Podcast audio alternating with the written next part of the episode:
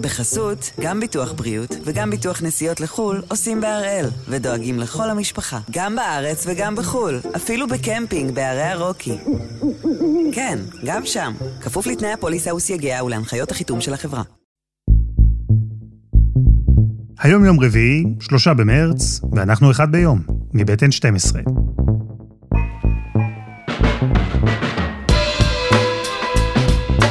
אני אלעד שמחיוף, ואנחנו כאן כדי להבין טוב יותר מה קורה סביבנו. סיפור אחד ביום, כל יום. והפעם, צמיחתו של זרם חדש בפוליטיקה הישראלית. רק לא ביבי, מימין. האם במערכת הבחירות הקרובה יישבר המונופול של בנימין נתניהו כמנהיג הימין הישראלי?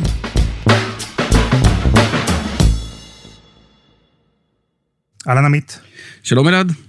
יש רושם, אולי זה רק אני, שמערכת הבחירות הזו מעט מנומנמת. Mm-hmm. יכול להיות שקורה משהו דרמטי ואני מפספס אותו? אמ, קורה משהו מאוד דרמטי, אה, שהוא באמת במידה רבה סיפור הבחירות. הוא, הוא, הוא פשוט נחווה בעיניך כקצת מנומנם, כמו שאמריקאי שגר בקליפורניה חושב שאין בחירות, אמ, בעוד שהן מתנהלות בעוז בפלורידה ופנסילבניה ומישיגן. Mm-hmm. הם פשוט לא באזור החיוג של רוב אזרחי ישראל. הקרב הזה מתנהל על אה, כשלושה ארבעה מנדטים. 100-150 אלף איש, שיש להם אה, שני מאפיינים. הם אה, אנשי ימין מובהק, והם לא כל כך אוהבים את נתניהו, ולפי הטמפרטורה של חוסר החיבה שלהם לנתניהו, נגזרת השאלה כמה רחוק הם מוכנים ללכת. יש כאלה שלא יכולים בלי נתניהו, זה רוב הימין, יש כאלה שיכולים איתו ויכולים בלעדיו, ויש כאלה שהם מוכנים לשלם מחירים אידיאולוגיים כבדים לשיטתם, כדי שהוא לא יהיה. וסביב השאלה אם אתה רוצה אותו או לא ממש, או ממש לא, על זה יוכרעו הבחירות. כלומר, זה, זה יצור כלאיים מוזר כזה. ימין, אבל שהוא אה, רק לא ביבי, או לא בהכרח ביבי. או לא רק ביבי, או יכול להיות בלי ביבי, נכון. ובעצם אתה רואה בבחירות האלה את המיצוי של הדבר הזה, שאם אתה ימין אתה מצביע לנתניהו. בבחירות האלה זה נפרץ, זה נפרץ לשני כיוונים.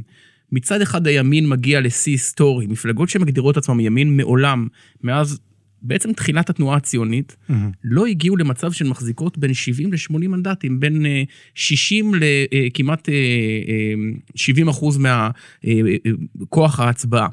ומהצד השני, מנהיג הימין, ראש הממשלה כבר 12 שנה רצוף, 15 שנה בהפסקות, מנהיג התנועה שהיא מנהיגה את הימין ללא עוררין, נמצא על סף איבוד השלטון, עד כדי כך שהסיטואציה הדרמטית היא לא סתם מהפך, אלא שבעוד שלושה שבועות, יכול להיות שבראש ממשלת ישראל יעמוד אדם ממפלגת ימין שהיא לא הליכוד. דבר כזה לא היה אף פעם.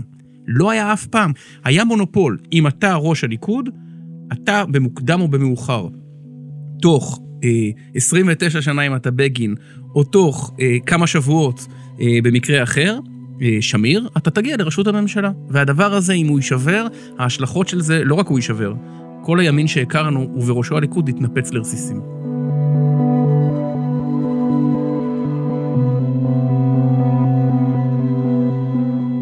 איפה זה מתחיל? השאלה איך אתה מתחיל לספר את הסיפור. יש בעצם שתי דרכים לסדר אולמות אה, פרלמנט בעולם. יש את השיטה הישראלית שאתה מכיר, חצי גורן, ויש את השיטה הבריטית, שאתה מכיר, שזה בעצם אופוזיציה מול קואליציה, מחנה מול מחנה. צ'רצ'יל אמר פעם, בתור מישהו שעבר בין מפלגות, הוא אמר שלא סתם תכננו את הפרלמנט הבריטי ככה, כדי שכשאתה תצטרך לעבור ולחצות את הקווים, כולם יראו את זה. Mm. אי אפשר לחצות את הקווים בשני שלבים. בכנסת זה תמיד היה יותר פשוט. בגלל שזה פרסה, אז אתה יכול להיות ימין, ימין רך, מרכז ימין, מרכז, מרכז שמאל, שמאל, ואתה יכול לעבור לאט לאט בלי שישימו לב. מה שבנימין נתניהו עשה, מפעל חייו הפוליטי, לא מדבר על הנושאים המדיניים והביטחוניים, מפעל חייו הפוליטי היה לעשות כאילו בכנסת באמצע יש בור. שאתה צריך לבחור על לנו אתה או לצרינו, אתה בימין או בשמאל. והדבר הזה, מפעל חייו הפוליטי, הם ואנחנו, איפה זה נולד? הרגע המכונן הוא משהו שהוא כבר היסטוריה רחוקה, אבל הסכמי וואי ב-1998. בעצם אה, נתניהו נבחר לשלטון תחת המצע של עושים שלום בטוח. אין לנו שלום אמיתי ואין לנו ביטחון. אני יודע שרבים מכם חיים בתחושה של פחד. אני אסע אה, ברכבת השלום אל היעד, אבל אני אסע ביותר בזהירות. אני מוכן שהילדים שלנו יחיו בפחד. אני משוכנע שאפשר להחזיר את הביטחון. ויש דרך אחרת. הדרך שלנו. הדרך להבטיח לילדים שלנו עתיד של שלום שהם זכאים לו.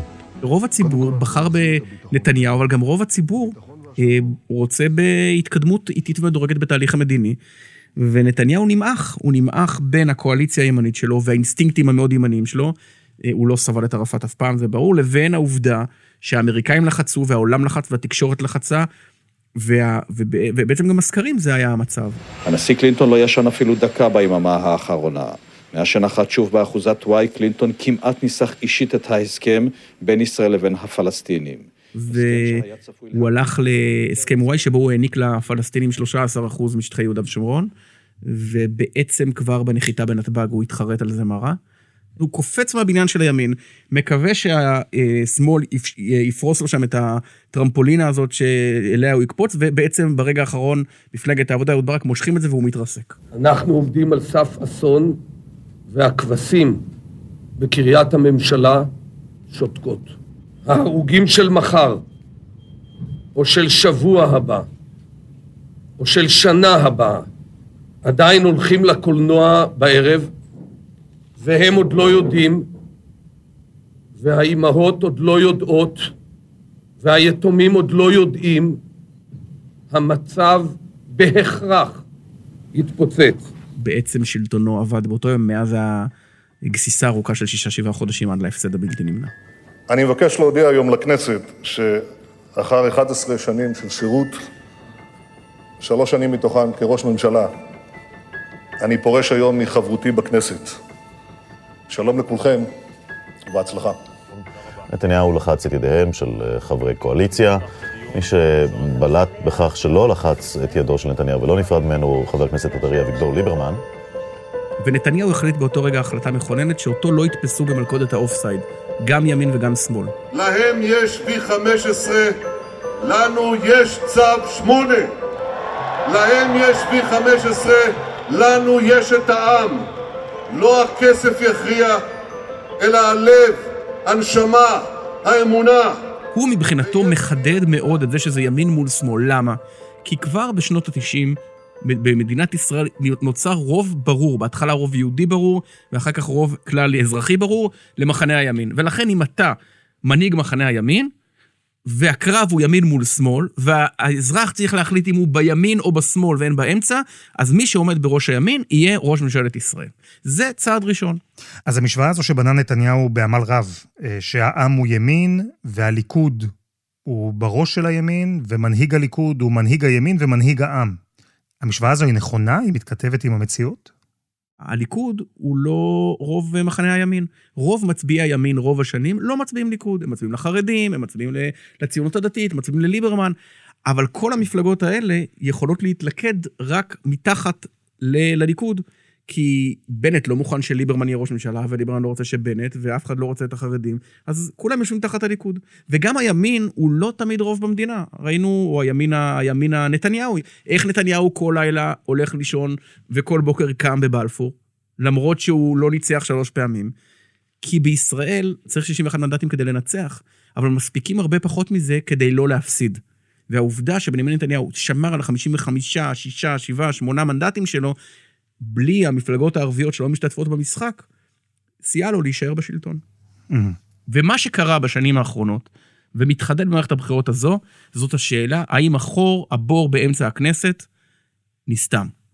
האם סער ובנט וליברמן, שכל אחד הוא מימין בטמפרטורה כזו או אחרת, ונגד נתניהו בטמפרטורה כזו או אחרת, יכול בעצם לגרום למעבר של מספיק קולות שמרגישים בשלום עם עצמם שהם ימניים, על אף שהם שולחים הביתה את מנהיג הימין.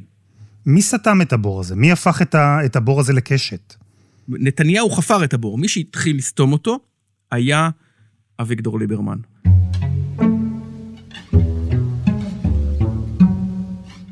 הפלירטוט הזה עם הרעיון של מפלגות ימין שאינן מחויבות לנתניהו לא נולד ב-2019. אבל כל מי שניסה אותו עד אז, בסוף חזר הביתה. אני חשבתי הרבה שנים שזה אפילו ברמה הפסיכולוגית. אה, אה, כחלון לא סבל את נתניהו וכעס עליו, וליברמן לא סבל את נתניהו וכעס עליו, ובנט כמובן, אבל ברגע האמת הם תמיד הקימו איתו ממשלה. אני חשבתי שזה קצת כמו האב המכה, אתה יודע. הוא מתעלל בך, הוא מרביץ לך, אבל בסוף אתה, כל מה שאתה רוצה ממנו זה קצת סימפתיה, אז הוא נותן לך להיות שר ביטחון, אתה חוזר, הוא נותן לך להיות שר אוצר, אתה בא. אבל היה בזה משהו יותר משמעותי. ליברמן החל את הפלירט שלו עם הרעיון של להנהיג את הימין במקום נתניהו כבר ב-2006, אחרי ההתנתקות. זאת הייתה מערכת בחירות איומה ונוראה לנתניהו. ליברמן מסיים אותה עם 131 קולות פחות מהליכוד. עד היום יש סימן שאלה איך זה קרה, כי בלילה ליברמן הוביל על נתניהו בפער מאוד גדול. עכשיו, תבין שכל ההיסטוריה הפוליטית של ישראל משתנה. אם נתניהו מפסיד את זה, הוא לא יושב ראש האופוזיציה, בסבירות גבוהה הוא הולך הביתה, ליברמן מנהיג את הימין, היו מאחדים את הליכוד ביתנו, רק היו קוראים לזה ביתנו הליכוד, והיית פונה אולי לליברמן בתור ראש הממשלה. ה-131 קולות האלה שינו ממש את ההיסטוריה של מדינת ישראל ושל מחנה הימין. וליברמן נכנס לממשלה ויוצא ממנה, ותוקף את נתניהו, וב-2015 משאיר אותו בחוץ, נשאר בחוץ ומשאיר אותו עם ממשלה על חוד אתר, אבל בסוף הוא הצטרף. ומתי ליברמן משתנה? ליברמן ב-2019 קיבל את ההחלטה שהדרך להשתלט על הימין היא קודם לשלוח את בנימין נתניהו הביתה. שאחרי שהפקק הזה יוסר, אז יהיה הרבה יותר קל לנהל את המרוץ הזה לצמרת. הוא ניסה לעשות את זה אחרי הבחירות של 2019 באמצעות הצטרפות לסיעת הליכוד, היה פרסום מאוד מעניין של מקור ראשון בנושא, שטען שהסיבה שליברמן חתך היא פשוט בגלל שלא ניתן לו להצטרף לליכוד, להביא מתפקדים משלו. והוא החליט שאם הוא לא יכול להיות מבפנים, אז הוא, אז, אז הוא יחסל את הליכוד, אה, יחסל את הליכוד מבחוץ. עכשיו אפשר להתחיל בהצבעה בקריאה שנייה, חוק התפזרות הכנסת ה-21. 29 אה, במאי 2019, לא סתם אני זוכר את התאריך הזה, זה בדיוק 23 שנים למהפך הראשון שהביא את נתניהו באמצעות כל מה שתיארנו. מתפזרת לתדהמת כולם הכנסת. חברי הכנסת שהולכים להצביע בעד הפיזור של הכנסת, רוב מי שעולה למליאה להצביע בעד מאמין שאי מתישהו נתניהו ישלוף איזה שפן וליברמן יגיד בעצם זה היה לצורכי משא ומתן, יחתמו כולם כמו שקרה תמיד. כי אף פעם לא הלכנו לבחירות כל כך מהר, ותמיד בסוף ליברמן מצא את עצמו בפנים. וליברמן חותם על גט הכריתות עם בנימין נתניהו, ועם מחנה הימין כמו שאנחנו מכירים אותו. גם בחלומות הכי פרועים של חברי הכנסת, הם לא העלו על דעתם שידונו בפיזור הכנסת עוד לפני שהושבעה הממשלה. במהלך היום שרר נתק כמעט מוחלט בין ליברמן לנתניהו. ליברמן ירד למחתרת ומקורביו סיפרו שהוא לא מתכוון לזוז מילימטר. הדברים עומדים באותו מקום איפה שהם היו. אמרתי כמה פעמים, אין שום מניע נסתר, אין שום דברים מאחורי הקלעים. הוא בעצם אומר, היו הרבה נימוקים, היה את הנימוק החרדי, היה את הנימוק אחר כך שהצטרף האישי של נתניהו, אחר כך נוסף, משפטי, אחר כך נוסף גם העובדה שליברמן כועס על נתניהו כי הוא טוען שהוא שלח חוקרים פרטיים על הילדים שלו וארגן חקירות משטרה שם, ועל זה הוא לא סולח, אבל זה לא משנה. כי הסיפור הוא לא רק נתניהו מול ליברמן האנשים. הסיפור הוא המצביעים של ליברמן. אותם כרבע מיליון מצביעים ששייכים לימין, והלכו עם ליברמן להרפתקה הזו. לי זה תמיד מזכיר את התמונות מהקרחון הזה, אתה יודע, פתאום אתה רואה בתמונת לוויין, קרחון ענק ניתק, ולאט לאט נוסע לאוקיינוס, ככה אני מסתכל על אביגדור ליברמן. הוא לקח איתו, לא איש בודד, הוא לקח איתו את המנדטים, והמנדטים האלה הסכימו ללכת איתו, כי אביגדור ליברמן לא רק הציע להם אג'נדה נגד נתניהו, בהתחלה הוא אמר, אני, הוא, הוא דיבר מאוד בכבוד על נתניהו בבחירות ההם. הוא אמר להם, יש יותר מדרך אחת להיות ימין. הוא הולך עם החרדים, אני לא הולך עם החרדים. הוא חושב שהנושא הכי חשוב זה המדיני, אני חושב שהנושא הכי חשוב זה יחסי דת ומדינה. ובעצם הוא ניתק ממחנה הימין שבט משמעותי מאוד בניצחונות בדור האחרון. השבט של חלק לפחות ניכר ממנו מהעולים מרוסיה. ברגע שהוא עשה את הדבר הזה, ביצע את רצח האב, בעצם הוא סלל את הדרך להולדת אה, תקווה חדשה. הממשלה הנוכחית ביזתה את האמון הציבורי והפרלמנטרי הרחב שניתן לה עם הקמתה. הוא סלל את הדרך להולדת ימינה במתכונת הנוכחית שלה שלא מתחייבת על נתניהו? אני לא ילד כאפות אה, של ביבי, מה אני אעשה? אני לא מוכן ללכת באופן אוטומטי. אני חושב שנתניהו הוא כבר לא הדבר הנכון לישראל. וזה היה הרגע שאין לזלזל אה, בחשיבותו. תזכור גם איך נתניהו חושב באותו רגע שעדיין יש בור בכנסת. מה הוא אומר שם, אתה זוכר? זה פשוט לא יאומן. ליברמן עכשיו הוא חלק ממחנה השמאל? אביגדור ליברמן עכשיו הוא חלק מהשמאל. הוא מגוש השמאל. קולות הצחוק של איילה חסון. אתה נותן לו קולות לימין, והוא לא נותן את קולו לממשלת הימין. זה זה היה נתפס מאוד מאוד מוזר. עכשיו, נכון שמאז ליברמן באמת הלך שמאלה, הוא נגד חוק הלאום, הוא אה, לא, לא התלהב מהסיפוח, הוא הולך בכל הכוח נגד נתניהו, אבל נתניהו, הצחוק הזה של איילה חסון, ביטא את, את הקושי של נתניהו במערכת הבחירות ההיא, שהסתיימה בזה שהוא לא הצליח לשכנע אנשים שאם אתה ימני, זה אומר שאתה צריך ללכת עם נתניהו, החרדים, ימינה, המתנחלים, וכל העסקת החבילה הענקית הזאת. דיברנו על הצחוק של איילה חסון, אני תוהה, עמית סגל, מה הוא חווה ברגע הזה? הוא מבין בזמן אמת שמדובר פה באיזה שבר... אה, בטח, זה, זה אירוע מגה דרמטי. הימין עבר תהליך אה, שמאל מרכזיזציה, שבעצם יש אתגר מאוד גדול על השאלה מי המנהיג שלו. עכשיו, האתגר הזה הוא לא אתגר של מנדטים, כי הליכוד היום עם 36, ו, והבא בתור אחריו בגוש הימין היום הוא משהו כמו 6-7 מנדטים. אבל האתגר הוא שהם אומרים לו, אנחנו לא, אנחנו לא נהיה פועלי הבניין שמקימים לך ממשלה.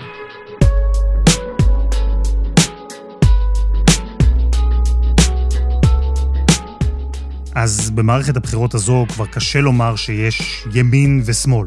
יש ימין שהוא ליכוד, ויש ימין שהוא סער, וימין שהוא בנט, וימין שהוא ליברמן, וימין שהוא כן ביבי, וימין שהוא לא ביבי. אז עמית, תרשה לי לשאול אותך, מה זה בכלל ימין?